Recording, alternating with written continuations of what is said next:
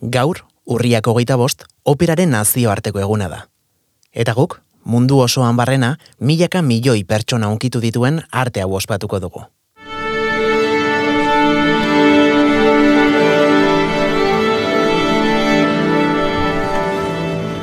Ispilu beltza, asier errastirekin. Relucevan le stelle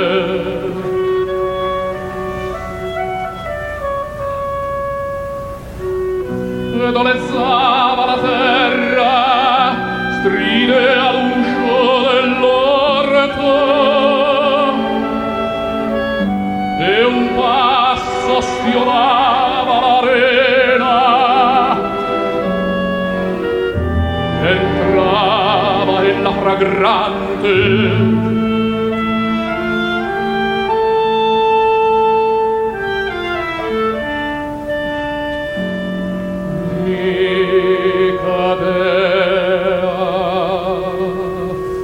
braccia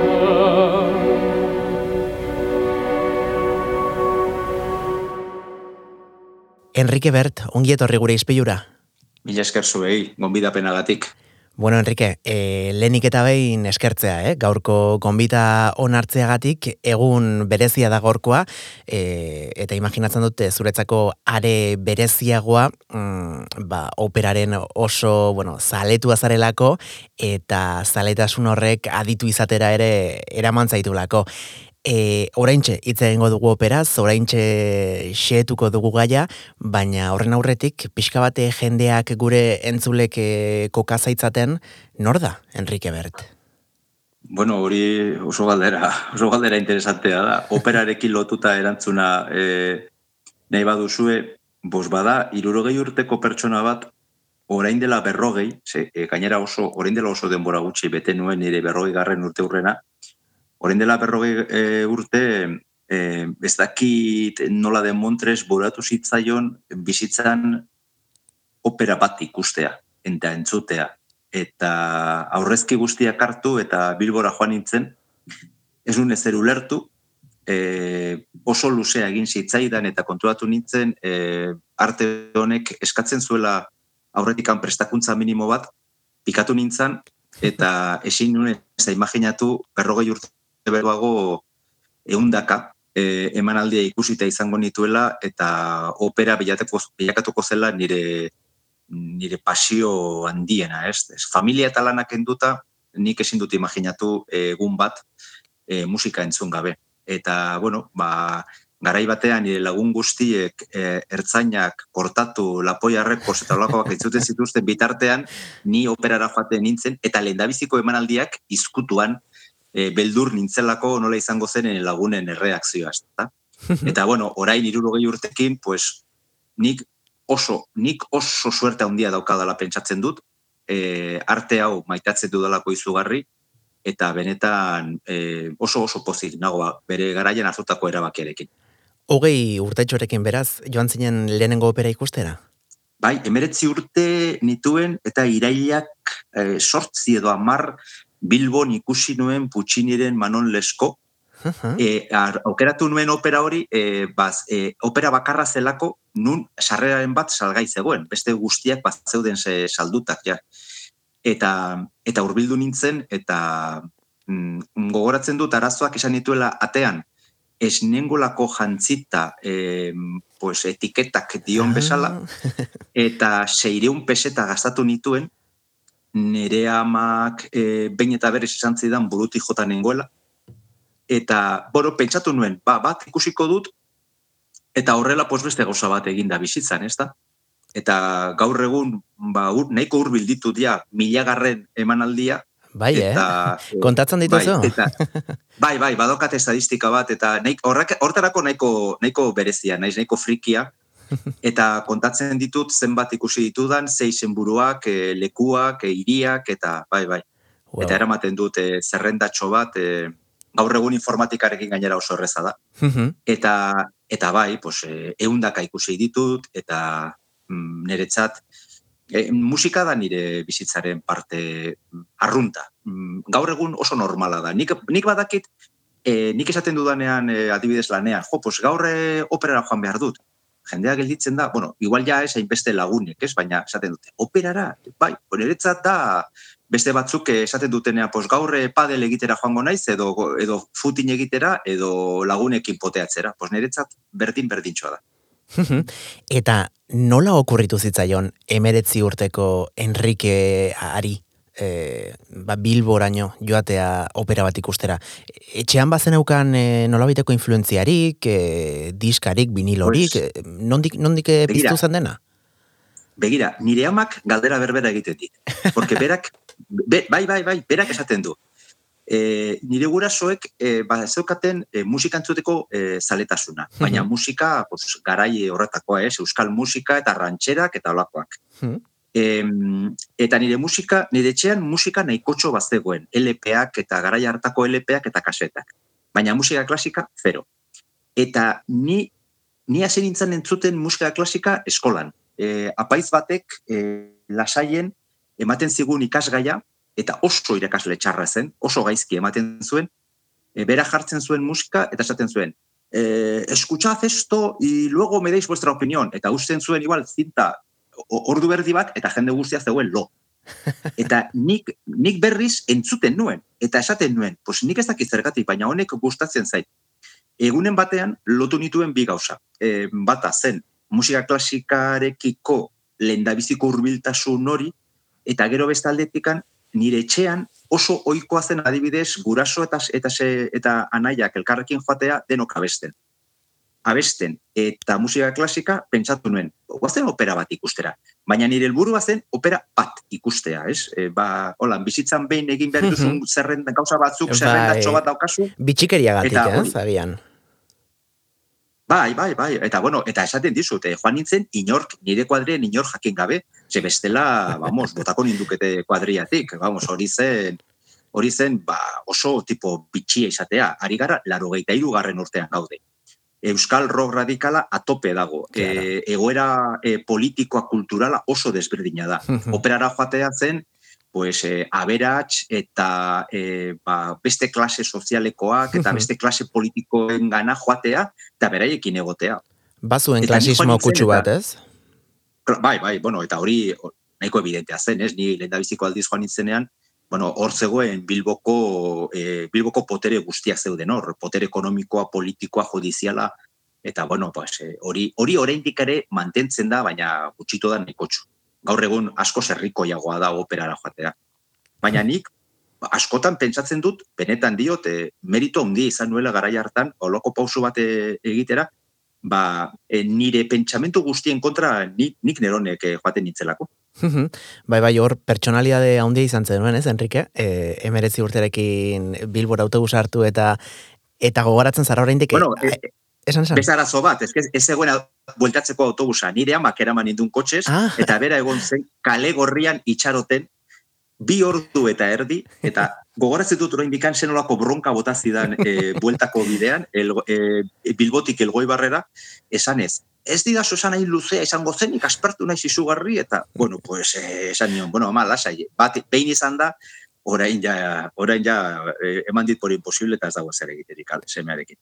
Eta nola, nola irten zen, Enrique Euskaldunatik? Nola irten? Nola, nola, nola irten zinen e, lehenengo opera hori ikusi ondoren, bertatik, ah, Ez gara horretan, claro, kolisio albian zen, Euskalduna egin gabe zegoen. E, ni atera nintzen ezer ulertu gabe nik garai horretan adibidez ez zegoen itzulpenik. Gaur egun baldin basoiaz testua jarraitu dezakezu gaztelaniaz eta euskeraz itzulpen simultanearekin inolako arazori gabe. Azpidatziak egoten dira, ez? bai, baina garai horretan ez zegoen olakorik, e, informatika zen existitzen, eta eta orduan, pues, bueno, nik aurretikan irakurri nuen e, e, este argumentua, baina italiera zen, nik gaur egun italieraz ba, defenditzen naiz, eta ulertzen dut asko, ezta? Orduan, baina garai horretan zero, zero patatero. Eta nola atera nintzen? Pues atera nintzen neko amorratuta. Eta esan nion, ama, bigarren bat entzun behar dut, baina hau prestatuko dut oso ondo. Gau, urte bete baneukan prestatzeko. Eta bigarrena ongi prestatu nuen, erosi nuen LP bat, e, rigoleto, berdiren rigoleto, e, elgoi barren, e, saltzaileak esan zidan, olako bat ez dugu inoiz saldu. Zuzara, lehenengoa erosten duela olako, olako gauzaren bat. Eta hor hasi nintzen, prestatzen, entzunuen, entzuten nuen orduan urtean behin, opera, gero pasatu nintzen urtean berritan, eta, bueno, gaur arte, gaur entzuten ditut, pues, berrogeita mar urtean. Eta, bueno, ortea Wow. bizitza. Eta berrogei urteren ostean, nola, nola azalduko zenioke inoiz opera bat ikusi ez duen bati zer den opera? Pues nik esango nion, e, begira, orain dela urte batzuk, e, aurre eskontza, ba- e, aurre es- e, eskola batean, ez, galdetu zidaten hori, ez, e, egon nintzen umeekin hitz egiten, eta nik esan nien, begira, opera da emozioen faktoria bat. Opera emanaldi baten e, bat egiten den bitartean, zuk sentitu ditzakezu nahi dituzun emozio guztiak. Nik operan sentitu maitasuna sentitu dut, gorrotoa, aspertu naiz, barre egin dut, negar egin dut, askotan, maitemindu naiz, e, alegia, imagina ditzakegun sentimentu guzti, guzti, guztiak espresatzen dira, adirazten dira musikaren bitartez. Eta nik musika asko, asko entzun eta gero, ez dut inoiz aurkitu sentimentuak adierazteko e, e, musika klasikoa baino egokia den beste musika mota bat. Hau errespeto osoz diot eta pertsona batzuk oso logikoa denez ez daude ados nirekin. Baina niretzat e, musika klasikoa, opera, gizakiaren abotsa eta e, te, teatralizazio horre, dana, dana batuta horrek egiten duena da sortzea. Sentimentuen faktoria bat eta baldin basoiaz operara prejuiziorik gabe, eta hori da klabe, baldin basoiaz prejuiziorik gabe, jartzen bazara opera baten aurrean disfrutatzera, haber zer eskaintzen didaten eta nik zer ulertzen dudan, mm, normalean e, e, disfrutatuko duzu. Nirekin etorri den ia guztiok errepikatu dut. Operan e, emozioak bizitzen direla aipatu duzu Enrique, e, ez dakit, e, bueno, e, topiko bat den, ala egia da askotan opera bera emozio oso sakonekin, ez? E, dramarekin eta e, bueno, Bai. ba, e, nolabait ere tragediarekin e, erlazionatzen da askotan, e, bertako, bueno, ba, e, historio narratiboak oso latzak e, direlako askotan, mm, ez dakit e, hori klitxe bat den ala, ala denetarik dagoen. Pre, nik esango nuke e, opera gehienetan e, ardatz nagusia maitasuna da eta askotan maitasuna, esa, maitasunaren historiaren garapena tragikoa da. Mhm. Baina nik eh, operan baita ere barre egin dut, eta batzutan gustora, eh, hainbat opera komediak dira, eta sikira irribarrea atera, ate- lor dezakezu, eta eta gero, claro, gero kontutan hartu behar dira, abeslari batzuk oso abeslari onak esan daitezkela, baina behar bada ez dira hain aktore onak, Claro. eta, bueno, irabazten duzun alde batetikan, galtzen duzu beste aldetikan. Baina, bai, estereotipo bat hori da, ez? Behin batek esan zuen, e, opera da e, gauza oso oso oso luzea, nun bi, bi pertsona, normalmente gizore eta emakume pare bat, oso lodiak ulertzen ez duzun gauza bat abesten dutela. Bueno, pues hori da estereotipo neko maltzurra, baina, baina bai, maitasuna bai, bar, bai da ardatz nagusia. Hala ere, e, komedia diren operak asko dauz, eta nahiko arruntak eta antzesten dira, eta nik askotan barre egin dut operan, eta oso ondo pasatu dut, eta eta ez, e, e- ez da derrigorrezkoa pentsatzea opera batera baldin basoiaz, aterako zarela erabat unkituta eta negar batean drama izugarria bizi izan duzulako, ez? Hori ez da, e, oi, ez da hain ohikoa. E, asko, que aipatzen dute, batez ere, bueno, ba, zinema zaleak direnak, e, bueno, nola film bat ikusi ondoren agian eh, bizitza bestera batera sentitzen edo ikusten hasten diren, zuri operak aldatu dizu, e, bizitza eta mundua e, ulertzeko eran? Irurogei urtekin nik e, atzera begiratzen badut, e, euki ditut e, momentu, nire bizitzan momentuak oso politak. E, iru semeala baditut, oraintxe bertan bikote zoragarria, familia oso, oso polita, baina oraintxe bertan niri, e, niri, e, nire bizitzatik musika desagertuko balitz, nik uste dut nire bizitza askoz tristeagoa izango litzatekeela. Nik behar bada e, lortu dut, e, behar bada urteak ditudalako eta esperientzia dokadalako, lortu dut ustartzea nire bizitza pertsonala eta, eta musika. Baina musikari gabe e, pues nik ez dakit e, e, bizi ahal izango nuken. Ez dut uste. Edo gorra galdituko banitz. Zeruante, niretzat izango zen tragediarik handiena. Handiena. Berriro musika ez. Orduan, musikak aldatu dit bizitza? Pues nik ez dakit aldatu hitza den. Baina nire bizitza dagoela erabat baldintzatuta musikaren ondorioz, horrekin ez daukat inolako e, arazorik. Eta onartzeko, eski horrela da. Baina horrek oso zoriontxo egin nau. Eta e, bai, e, evidentemente nik e, ezin ditut gauza konparatu, ez da? Nire hiru seme jaiotza, nire bikotearekin aurkitzea, e, lanean izandako esperientzia batzuk zoragarri politak. Baina, esaten badiazu, eta momenturen bat e, musikaren inguruan gogoratzen duzu, pos nik baditut musikaren inguruko momentu batzuk neuretzat izan direla e, oso, oso, oso importanteak lortu dutelako musikaren bitartez neure bizitza e, e, heltzea puntu batera, eske plazerra ezin da, ezin da saldu. Zenolako plazerra sentitu duan nik momentu batzuetan musika entzutean, interpretazio pikaina entzun dudalako. Eta hori, adibidez, bikoteak askotan esaten dit, zein bidea ematen didazu, e, ikusten zaitu danean, hain beteta, hain pozik, hain arro, e, hori ulertu eta bizi egin duzulako. Eta, bai, nik ez dakit aldatu. Behar bada nire mala letxe eta nire hori, pues, berdin berdin izango zen. Baina baldintzatu, eta bai, hori, eh, baina zorionez, eh? nik esaten dut zorionez, bai, Mhm. baldintzatu nau. Eta oso zoriontxoa egin nau.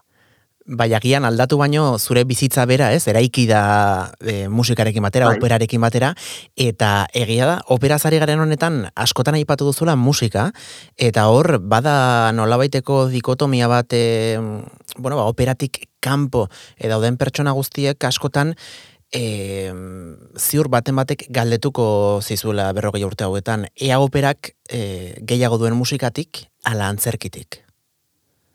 Bueno, e, bai, begira, gure artean, operazaleon artean, normalmente zei, gu, geure burua saikatzen dugu bitaldetan, ez? Pertsona batzuk entzuten dute opera, eta beste pertsona batzuk ikusten dute opera. Ah? Alegia, zuzoia euskaldunara, Bai. ikusten duzu emanaldi bat, eta pertsona batzuk gehiago fijatzen dira, eskenatokiaren gainean gertatzen diren gauzetan, mugimenduak, arropa, argiak, eta beste batzuk e, berriz nahiago dute entzutea, abotsak eta orkestra eta eta denon fusioa. Nik mm, esan behar dut nahiko mm, nahiko orokorrean ikusten dut espektakuloa, baina apuestaren bat egin barko banu, nik esango nuke nik entzuten dudala e, opera. Eh, Hori bai, baita ere gustatzen zait e, ikusten dudanean zeo zer, gustatzen zait e, eskaintzen didatena izan izatea pizkat provokatzailea, ez? Ez, ez rutinarioa. Baina nik bereziki opera entzuten dut. Horregatik etxean e, e, gaur egun ja CD-ak eta olakoak desagertzen ari direnean, nik baditut milaka eta milaka eta egunero entzuten dut pare bat. Entzuten dut. E, bai, niretzat e, musika da bereziki abotsa, eske niretzat tresnarik ederrena da gizakiaren abotsa. Orduan, horretaz jabetu nintzenean, eta ju nintzen nire gusto partikularra baita ere eraikitzen, niretzat tresnarik ederrena da gizakiak bere abotsarekin egin dezakena. Eta denborarekin joan naiz nire abeslari gustokoak aukeratzen, eta olako, olakoren bat entzuten dudanean, neuretzat mundua gelditzen da. Behar bada, desagertzen dira arazoak. Eta ho- hori oso oso, oso polita da. Bai, zoragarria da zurekin hitz egin da bakarrik e, nola kutsatzen denez, ez zure pasioa, eta eta jo, zoragarria litzateke egia esan pasio hori denok bizializatea.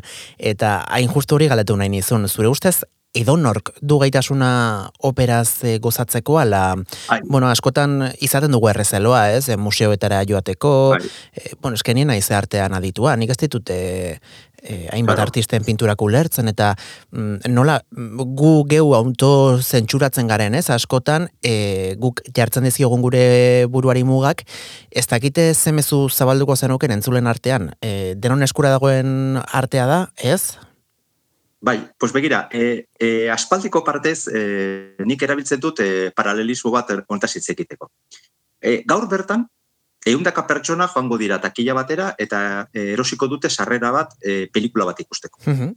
Eta e, e, gehienok, euneko laurogeita emeretziak, seguramente, ez dakite ezer zineaz. Mhm. Nola montatzen den pelikula bat, Nola, nola elaboratzen da gidoi bat, nola dira e, estenak e, zer da traveling bat, edo zer da plano pikado edo lako zer. Ez, gu bagoaz, erosten dugu sarrera. Eseritzen gara, ikusten dugu produktua eta amaitzean esaten dugu. Gustatu zait, ala ez, eta zergatik.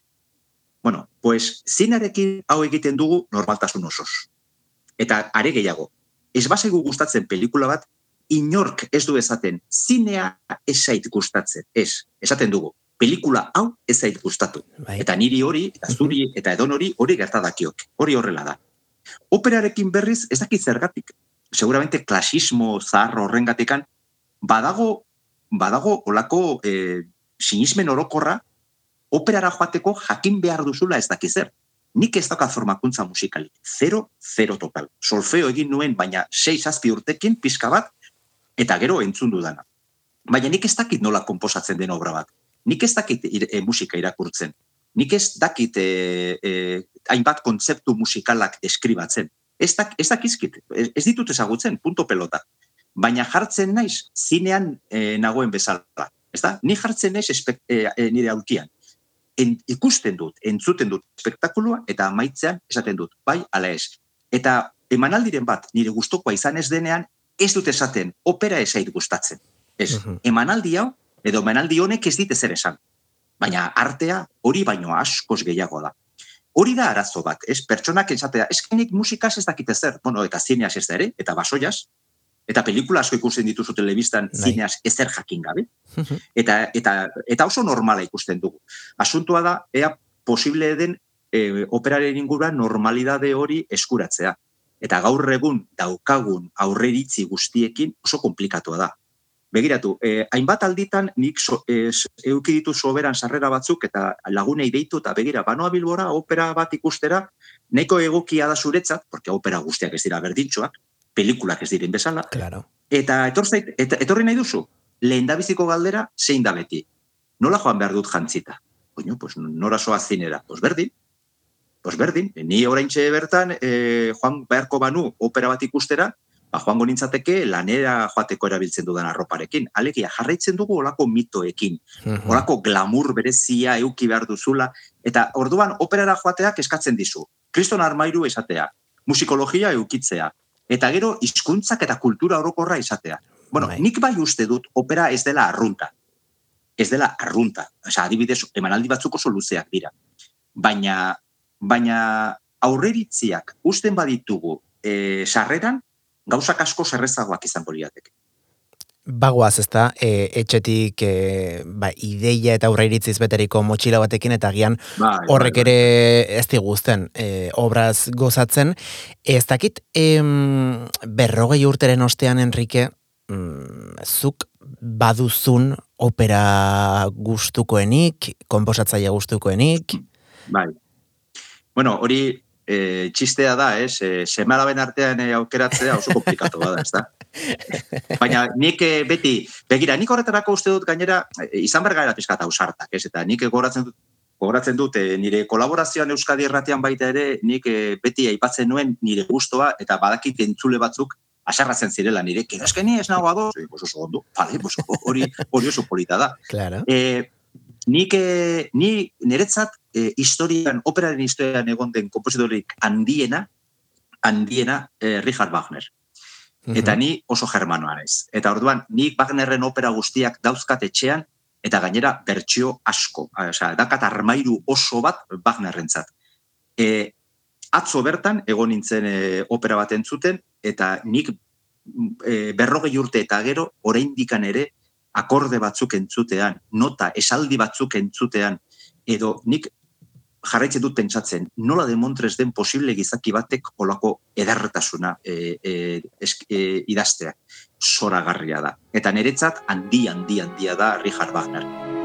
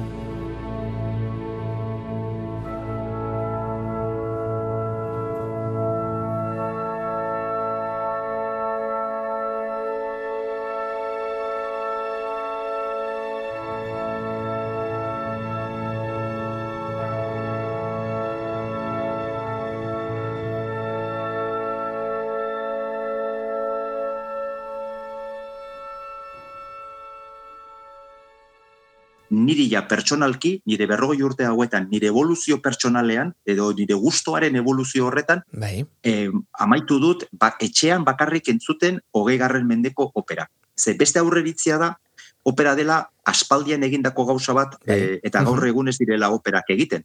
Eta gaur egun egiten dira pilo bat. Eta niri eh, opera berriak eta garaikideak asko interesatzen zaizkit. Eta, eta gaur egun, eh, trena edo kotxea hartzen badut, Euskal Herritik kanpora joateko, normalmente da olako operak eh, ikusteko eta entzuteko. Interesatzen zait, ni, ni naiz hogei garren mendeko pertsona bat, hogeita bat garren mendean bizi dana, eta niri hogei eta hogeita bat garren mendetako operak neuretzat dira neure garaikoak, eta ni daukat interes intelektual nahi baduzu, eh, kuriosidade izugarria nire garaiko izenburuak ezagutzeko. Galdetu nahiko nizuke aipatu duzun kontu bat. E, adibidez, guri The Beatles gustatzen bazaigu, guri gustatzen zaigu The Beatlesen komposizioa eta baita ere The Beatlesek, eh, hau da artista propio hoiek nola interpretatzen duten, ezta? Komposatutako hori. Mhm. Hemen operan e, badago diferentzia nabarmen bat. E, garaiko konposatzaileak adibidez, mm, ez dira gure artean eta, bueno, bere garaian ere konposatu besterik ez zuten egiten ondoren beste artista batzuk dira hauei ahotsa jartzen dietenak, instrumentuak jotzen dituztenak. Claro. Orduan imaginatzen dut opera bat e, bertsio ezberdin jaten ikustea ere, ba, bakoitza iaia esperientzia propio bat izango da. Claro, eske eh, behar bada hor hor dago desberdintasunik handiena. Ni begira, adibidez, nire gazte garaian eh, ni oso Mikel Laboa zalea nintzen eta saiatu nintzen alik eta eh, gehienetan ikusten, ezta? Eta orduan, ni nik banekien, ni joaten banaiz Mikel Laboa entzutera, ni beti entzuten dut Mikel Laboa. Claro. Gero, izango ditu egun txarra edo ona, e, abestiak politak edo, e, bale, e, baina beti da bera. E, guk operaz ari garenean, guk e, ari gara hitz egiten e, este, kompositoreaz. Baina gero norbaitek, beste norbaitek interpretatzen du. Eta niri askotan esaten didate. Igual komentatzen du nik. Ba, banoa Madrilera Tristan eta Isolda ikustera. Berriro? Claro, eskabeslari desberdinak dira. Orduan, obra berbera da, baina interpretazio erabat desberdina da. Orduan, alde bakoitzean da gauza desberdin bat. Eta iz, izin da inoiz er, e, e, pentsatu, joango zarela birritan gauza berbera entzutera, porque beti desberdin da. Inkluso nik, eta e, operazale askok, e, adibidez, bueno, Madrid eta Barcelonan bizi bazara asko zerrezagoa da, ez? Igual opera bat ematen da o, amabost aldiz. Eta, klaro, badaude bi edo hiru e, abeslari taldeak, eta bi, e, sai- e, e, txandakatzen dira abeslariak bueno, pues pertsona batzuk joaten dira eh, hiru aldiz ikustera eh, obra bat, adibidez Madama Butterfly, hiru abeslari desber, hiru abeslari talde desberdinak. Ah, begira. Ari zara hiru aldiz obra berbera entzuten? Eh, berez bai, baina interpretazioak izan daitezke Mhm. oso, oso, oso desberdinak. Hori jendeari kostatzen zaio ulertzea. E, eta eta bai, evidentemente, e, nik eh, obra batzuk, nik gillen ikusi dudan obra izan da Madama Butterfly, hogeita bat aldiz. bueno, pues, hogeita bat aldiz oso desberdinak izan dira. Claro, e, beste, besteak beste orkestraren tamainua ez, produkzioaren tamainaren eta presupuestoaren arabera, ba, Claro. orkestan bertan adibidez, gauza bera, entzutea Kla- Donostia edo Bilbon, edo joatea, ez dakit, Madrid, Barcelona, edo joatea Paris, Londres edo Berlin. Claro. Eta abeslariak baita ere oso desberdinak dira, Mhm. eta gero produkzioak estena, ba, batzuetan teloi bat dago jarri eta jazta, eta beste batzuetan, pues, badaoz hor, eh, plaka batzuk gora eta bera egiten dutela, eta gauza supermodernoak eta me mekanikoak eta gora eta bera estena, estena toki osoa, pues, claro, eske, eh, eta hori ere jakin behar da, nun demontre zauden, porque nik adibidez, eh, arrasaten ikusten badut opera bat, ezin dut espero Madrilen emango didatena. claro, claro. Eh? Ez dut berdin ordaintzen, hori egia da, baina eskezin dut eskatu baita ere maila bereko, abez, ez abeslariak, ez orkestra eta ez estena. Eta oso importantea da jakitea nun zauden eta zer ikusten ari zaren. Obra bai berbera da, baina interpretazioa oso desberdina. Eta hor eskatzen, eskatzen da eh, publikoaren aldetikan eskuzabaltasun minimo bat, ezta? Mhm. Bai, era bat. Gainera, eh, Enrique, abeslariak aipatu dituzu, eh, opera abeslariak, bueno, ezagunak dira euren ahots, eh, bueno, ba, zoragarria eta partagatik, baina zer egiten du eh, opera abeslari bat bestea baino nobea? Nu, nun dago desberdintasuna, gakoa? Bueno, pues nik uste dut hitz klabea dela teknika. eta nik horretarako, begira, kotatuko dizuet anekdota bat. Bai. Aurreko gabonak, e, egon nintzen Barcelona, Barcelonan, eta azken momentuan e, nire alaba txikia sartu zen bidaian. Eta orduan esan nion, pues, etortzen bazara, etorri beharko duzu operara, porque ez zara bakarrik egongo hiru ordu Barcelonan galduta. Eta berak ikusi zuen antzokia, eta gelditu zen flipatuta. Handit, handitasunagatik. Eta gero konturatu zen abeslariek ez daukatela inolako tresnarik beraien agotsa amplifikatzeko. Eta abestu behar dutela be, larogei instrumentuen gainean. Bai. Vale, pues hori kontutan hartuta, orain hartzen dugu pop munduan hain ospetsuak diren abeslari batzuk, kentzen diezu amplifikazioa, eta ez duzu eser entzuten bigarren lerrotik. Bai, Ez daukate abotzen. Bai, bai, bai, egia da. Ez daukate abotzik, ez Mhm. dakite abesten. Ez dakite abesten. Eta neuretzat abestea da zu gai izatea. Antzoki erraldoi horretatik, azken filatik hor dagoen e, este, entzuleak entzun behar du perfectamente zure, eta ulertu behar du zure, zure testua, zure notak, zure agudua, zure grabea, eta gero ni egon naiz, batzutan, bueno, gehienetan kompromisoagatik, olako kontzertu pop batzuetan, eta bueno, zutan jartzen naiz, eta pentsatzen dut. Osea, gizon edo emakume honi, kentzen diozu amplifikazioa, eta vamos, hau, hau izango zen e, disparate total, ez da ezer, ezer. Eta nik uste dut, asunto da teknika. Teknika. Gaur egun pop eta rock neurri batean, baina bereziki pop, badago oso antolatuta aurrape teknologikoen inguruan. Bai. Eta gaur importanteagoa da, e, kristona adibidez saltzen da, ez? Ez dakit noren kontzertua, ez dakit zenbat mila batio potentzia. Bueno, eta zure abotxan onden motrez da. Ez? Baina zer, zer, zer egingo zenukezuk hori gabe. Horregatik nik batzutan, eta bak, badakit batzuk mindu egiten direla, baina nik esaten dut, pos, barkatu, baina nik eh, David Bisbalen eh, emanaldi bat eh, mikrofon hori gabe, seguru nago, seguru nago, bosgarren filan, ja, ez dala ezer ulertzen eta ezer entzuten beraiek ohituta daudelako e, tresnak erabiltzeko beraien abotsa e, handitzeko eta zabaltzeko. Operan berriz hori dago erabat debekatuta. Debekatuta. Eta hor dago meritua. Zuk euki behar duzu teknika. Eta teknika hori oso komplexua da, soinu tresna guztien eta lekuaren handitasunaren kontra egiteko. Eta zure abotsa heldu behar da azken punturaino. Bestela ez bada heltzen, eta batzutan ez da heltzen, bronka izugarria da antzokian. Hori, ziurtatzen dizu. Gainera ez da e, jende askok pentsa lezakeen moduan volumen kontua, baizik eta hor teknika asko dago zuk aipatu duzun moduan, ze, claro, e, bueno, ba, historioko, historio narratiboko momentu askotan, abeslariak baju abestu behar du. Eta Claro. nola abesten da baju lehenengo hilarakoarentzat, edo iru, irureun garren hilaran aurkitzen den pertsonarentzat, ez? E, sentsazio hori sortu egin behar da, eta benetan ikaragarria da horratzen dagoen lanketa guztia, eta eta zuk diozun moduan ez du edonork egiten, eh? Musika klasikoan, kontzertu batzuetan e, ikusi daitezke mikrofonoak, baina operan bai, ez dituzula sekula ikusiko. Eta ikus daitezke mikrofonoak baldin badira emanaldia grabatzeko. Baina inoiz ez abo, abotsak amplifikatzeko. E, opera batean e, personaje batek beste bati esaten badio maite zaitut, ezin dio esan oiu, e, Claro. oiu basati baten bitartez. E, esan behar dio maitasunez. Eta askotan horrek eskatzen du tono oso a- arina oso leuna erabiltzea. Bueno, pues hori entzun behar da azken filan. Eta horretarako behar duzu teknika oso berezia zure hautsa araino heltzeko.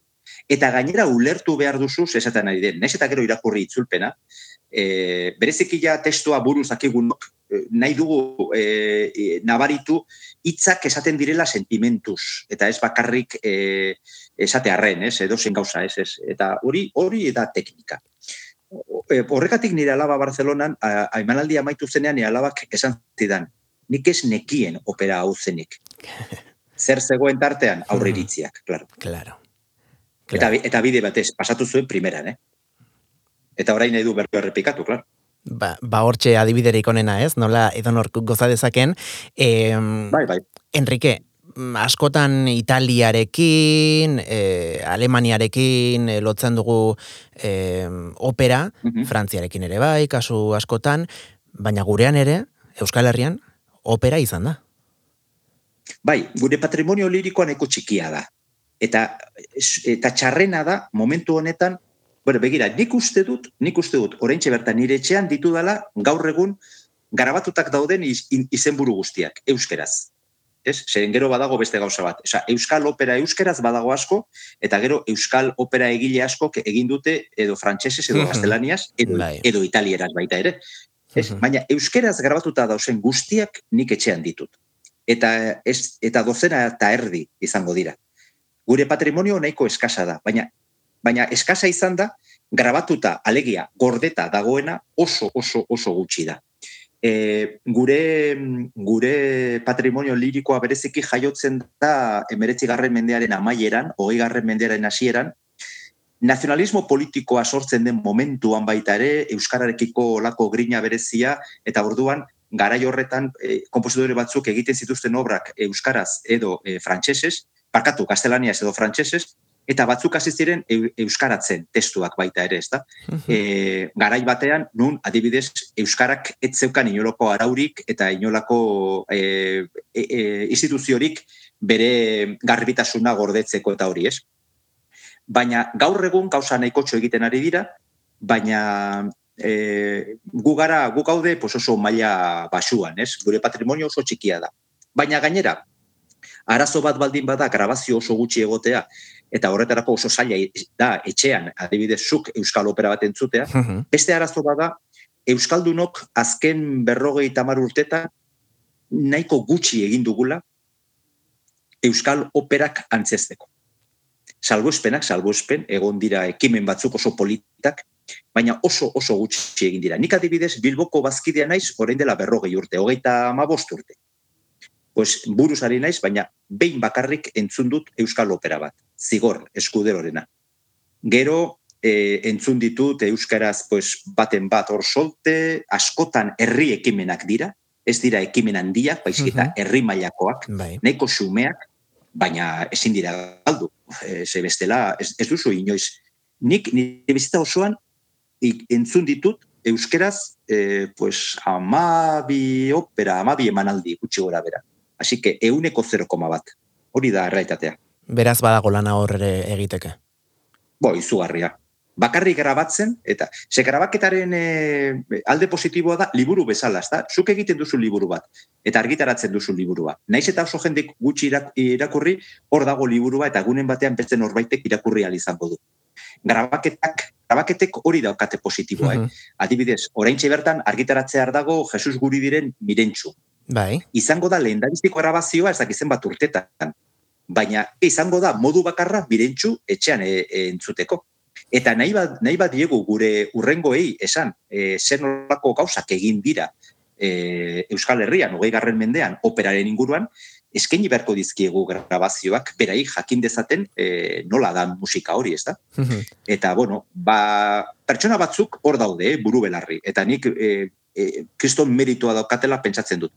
Baina orokorrean, eta bereziki instituzioen aldetikan, nik esango nuke oso oso lan eskasa egin dela. E, eta gainera grabaketa horiek ere badira, ez da gure ondare kulturala ba, gainontzeko ondorengo generazioei ere Bai. helarazteko bide bat. E, ez dakit, urrengo galderan, e, esaten den moduan, e, sartuko naizen en kamisa de 11 baras, baina e, Espainiar estatura joan da, han zartzuela. E, zartzuelak izan du, eta izaten jarraitzen du indarra handia. Esan daiteke zartzuela operaren ibaiadar bate izan daitekela? Bai, nik uste du baietz. E, azken finean da, antzerki lirikoa da. Biak antzesten dira eta biak abesten dira. E, teknikoki, e, salantza, sa, salantza barkatu, este, desberdintasun bakarra da, e, zarzuelan tartekatzen direla e, e, testu deklamatuak, ez, alegia, errezitatuak, eta operan hori ez da gertatzen. Mhm. Baina, begira, nik onartu behar dut, berrogeita bost urtera arte, zarzuela mespretsatu egin nuela, onartzen dut. Eta gero hasi nintzen izenburu batzuk ezagutzen, bereziki nire amari asko gustatzen zaiolako, eta berak eramaten nuelako eh, donostiara, bereziki eh, zarzuela ikustera. Eta horrela, joan naiz ezagutzen, eta gero beste gauza bat, Euskaldun pilo, eh, egon dira hor mundu horretan sartuta. Mhm, Bai, era Behar bada, e, ba, Jesus Guridi, edo Mhm. bereziki Pablo Sorozabal, Pablo Sorozabal da estatu mailan figurari kantinetariko bat. Eta, eta, eta berak, eh, eta euskal mm, kutsua nahiko, nahiko errez aurkitzen dira bere zarzuela batzuetan. Baina baita ere, onartu behar dugu, nik uste dut hori horrela dela, zarzuela, operaren inguruan baldin badagoz eh, aurreritziak, zarzuelaren inguruan badagoz askoz gehiago. Eta badagoz oso lotutak bereziki eh, frankismoa eta egoera politiko horrekin, eta espainartasun itxu batekin, ez? Eta bai, izenburu batzuk, mm, ba nahiko, bof, garai batekoak dira, eta frankismo gorrian egin ziren, eta hori nahiko zaila da gaur egun intzutea. Eta gero beste batzuk, pues, eh, bueno, baina zarzuela oso interesgarria da. Eta nik eh, onartzen dut aldak, aldatu egin dudala, azken urtetan, nik beti nahiago izango dut opera zarzuela baino, baina zarzuela polit batzuk badauz. Eta Euskal Herrian, badauzkagu eh, hainbat zarzuela eh, eh, oso potenteak. Eta are gehiago, eh, datorren azaroan, gaiarre antzokian, eh, estrenatzen da eh, Euskal zarzuela bat, La Pikara del Baztan. Ah, bai. Eta hori niretzat, eh, adibidez, oso eh, berri ona da, ze ari gara, hogei- hogeita bat garren mendean, zarzuela berriak egiten, eta Euskal Gaia, eh, kasu honetan, bastango, ikusi beharko dugu historia, agoteak eta ezakit nortzuk agertzen dira, ni desde luego joango naiz, eh, buru, vamos, buru belarreara entzutera eta disfrutatzera, eta nik uste dut, pues, barneatu behar dugula gure horretan baita ere, zere gure patrimonioaren zati bat badira baita ere. Enrique, ez dakit, e, gaur egun nola ikusten duzun, bueno, ba, operaren osasuna gurean, e, ematen ari alda errelebo generazional hori. Ba, begira, nik eh, pasatu nuen garai bat oso ezkorra, ikusten ez nituelako gazteak operan, baina pizkanaka pizkanaka joan nahi onartzen gauza bat. Gazte gaztetetik joaten diren pertsonak oso oso gutxi dira. Mhm. Baina opera ez da arte bat e, gazte edo ume, nerabe edo gazte garaian errez e, onar dezakezuna. Alegia, opera ulertzeko eta disfrutatzeko behar bada behar, dia, behar da patxada pixka bat eta heldutasun puntu bat. Orduan, gaur egun inoiz baino opera emanaldi gehiago dauden. Inoiz baino gehiago. Gaur egun e, inoiz baino errezagoa da operara joatea gaur egun e, garraio sistemak eta guzti hori eta informatikagatik, gaur egun nik egin dut, pues, e, zure etxetik eros dezakezu e, Paris, Londres edo Berlinera joateko tiketa inolako arazorik gabe, ez dago problemarik. Behar bada gaur egun ez daukaguna da, orain dela e, hogeita mar, berrogei urte genituen abotsak. Teknika aldetik baita ere, e, e, gizartean nabaritzen dugun prisa hori, dana egin nahi dugu oraintxe bertan e, egin eta guzti hori, hori baita ere nabaritzen da e, abeslari gazteen artean. Eta askarregi hasten dira paper e, gogorrak hartzen eta karrera asko berehala izorratzen dira. Baina nik uste dut arlo batzuetan, behintzat, operaren osasuna nahiko onargarria da. Hori bai, nik eh, kolaboratzen dut hainbat aldizkarietan eta hori, eta orain dela oso gutxi irakurri artikulu bat, nun batek idazten zuen eh, operaren desagerpena eh, izango dela hogeita bat garren mendean. Wow. Alegia, arte, arte batzuk desagertuko dira, eta opera orain arte ulertu dugun bezala, desagertuko da hogeita bat, hogeita bi garren mendean. Bueno, pues, pues ez dakit, ni ez naiz egongo, así que nagoen bitartean disfrutatzera, baina, bueno, ez dakit horrela izango denala ez. Gaur e, operaren nazioarteko eguna dugu, e, Enrique, eta bihar ere egun garrantzitsua, eta hain zuzen ere, e, zuke gidatzen duzun opera prima e, podcastaren bigarren denboraldia estrenatuko delako. Ez dakit inoiz rol joko batean aritu zaren. Mesedez, eseri dagokizuen aurkian lehen bailen. Obra bere hasiko da eta. Pertsonaietatik hasten da jolasa, nor zaren eta zer doain dituzun jakin behar duzu lehen da bizi. Historio hau ere antzera hasten da. Edo zein euskal kuadrilla balitz bezala, bi bikote daude, mutil neska, mutil neska, hirugarren neska independiente bat, eta hirugarren gizon bakarti, arroputz eta misogino bat. Pues begira, nik, nik eh, naiz eta pentsatu eh, behar bada pertsona egokiagoak izan e, e, egon zitezkenik, baina nik uste dut eh, hor ilusio izugarria dagoela jarrita proiektu horretan, bereziki helburu bat eh, eskuratzeko. Eta da, operaren munduan sartuta ez dagoen pertsona batentzat, opera erakargarriagoa egitea. Alegia, opera prima saiatzen ari da aurreitziak desmontatzen. Eta e, guk, guk ikustea, opera batek kontatzen digun historia, badela kasu gehienetan, oso historia senzilloa, oso historia e, onargarria, eta musika ez dala, em, da, da bakarrik tresna bat. Tresna sentimentu desberdinak e, adirazteko. Eta opera priman, e, saiatzen ari gara, justo hori esaten, ez da? Alegia, e, hartzen duzu edo zein opera, eta opera horren atzekaldean dagoena da musika ederra, eta sentimentuak oso, oso oinarrizkoak, oso elementalak, egunero sentitzen, denok sentitzen ditugunak. Eta horrela ikusten badugu opera, behintzat, nik ez dakit zaletasuna izugarria ni bezala, neurea bezalakoa garatu behar dugun, baina operara joatea, e, e, ik, lortzen badugu jendea hurbiltzea lasaitasunez, aurreitzirik gabe eta disfrutatzera, opera primak beteko du bere helburua, ez da? Porque opera ez da exigentea. E, opera da arte bat, eta arte guztiek bezala bere helburua da gu gozatzea. Ez dago besterik. Gainera opera primaren bidez e, eman ditzakegu, ez? E, gure lehen pausuak mundu honetan oso entzungarria den podcast bat da. EITB podcast eta Abau Bilboko operarekin batera egiten duzuena, Ulu Media ekoiztetxeak e, ekoiztutakoa.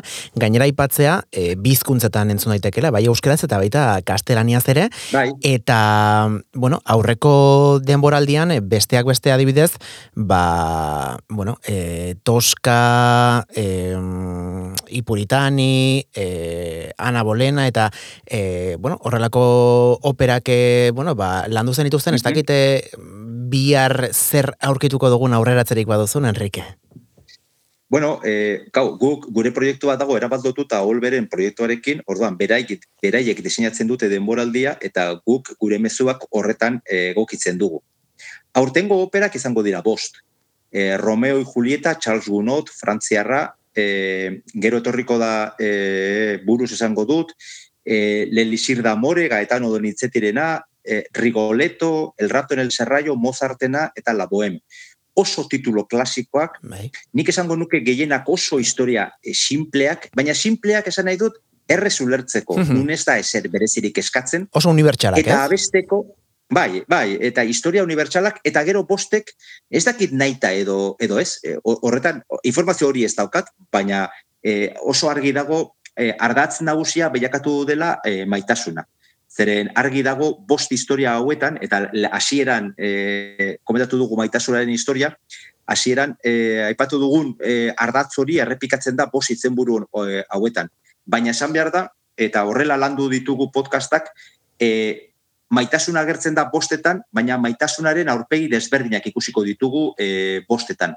Eta podcast hauetan, saiatzen, saiatzen gara, e, aurpegi hauek deskribatzen entzuleak e, uler desan e, zenolako maitasunaren adierazpena entzuna alduen e, opera baten emanaldian, ez da? Ba, bihar badak izuentzule, goizeko lehen ordutik, e, korrika batean podcast plataformetara, bertan opera prima e, idatzi, eta hortxe aurkituko dituzue, e, bi podcastak bai euskeraz, eta baita gaztelaniaz ere.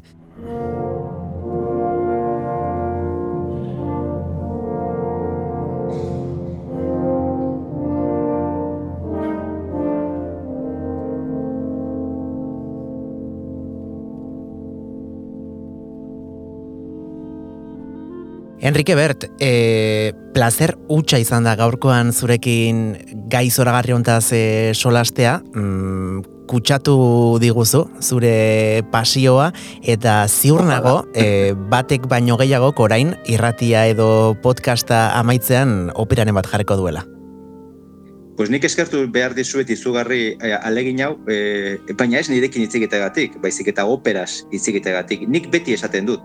Ni pres nago bitartekaria izateko, baina hemen importante, importantena da eh, operaren eh, edertasuna zabaltzea eta jende alik eta gehien hurbiltzea arte eder honetara. E, gainera, pasatuko dute primeran, seguru nago ba, gonbidapena donostian gainera, bueno, e, abuzturo, abuzturo gure musika mabostaldian ere izaten da eskaintza, beraz, urtero aitzakierik ez dago donostiatik, e, gure iritik mugitu gabe, operaz ere gozatzeko eta noski. Ba, kotxez edo tren edo autobusa hartuta ere, ba, Euskal Herrian barrena baditugu eskaintza bai gehiago ere bai. Enrique, besarka da haundi bat eta laizter arte. Mila esker zuei, eh, urrengor arte.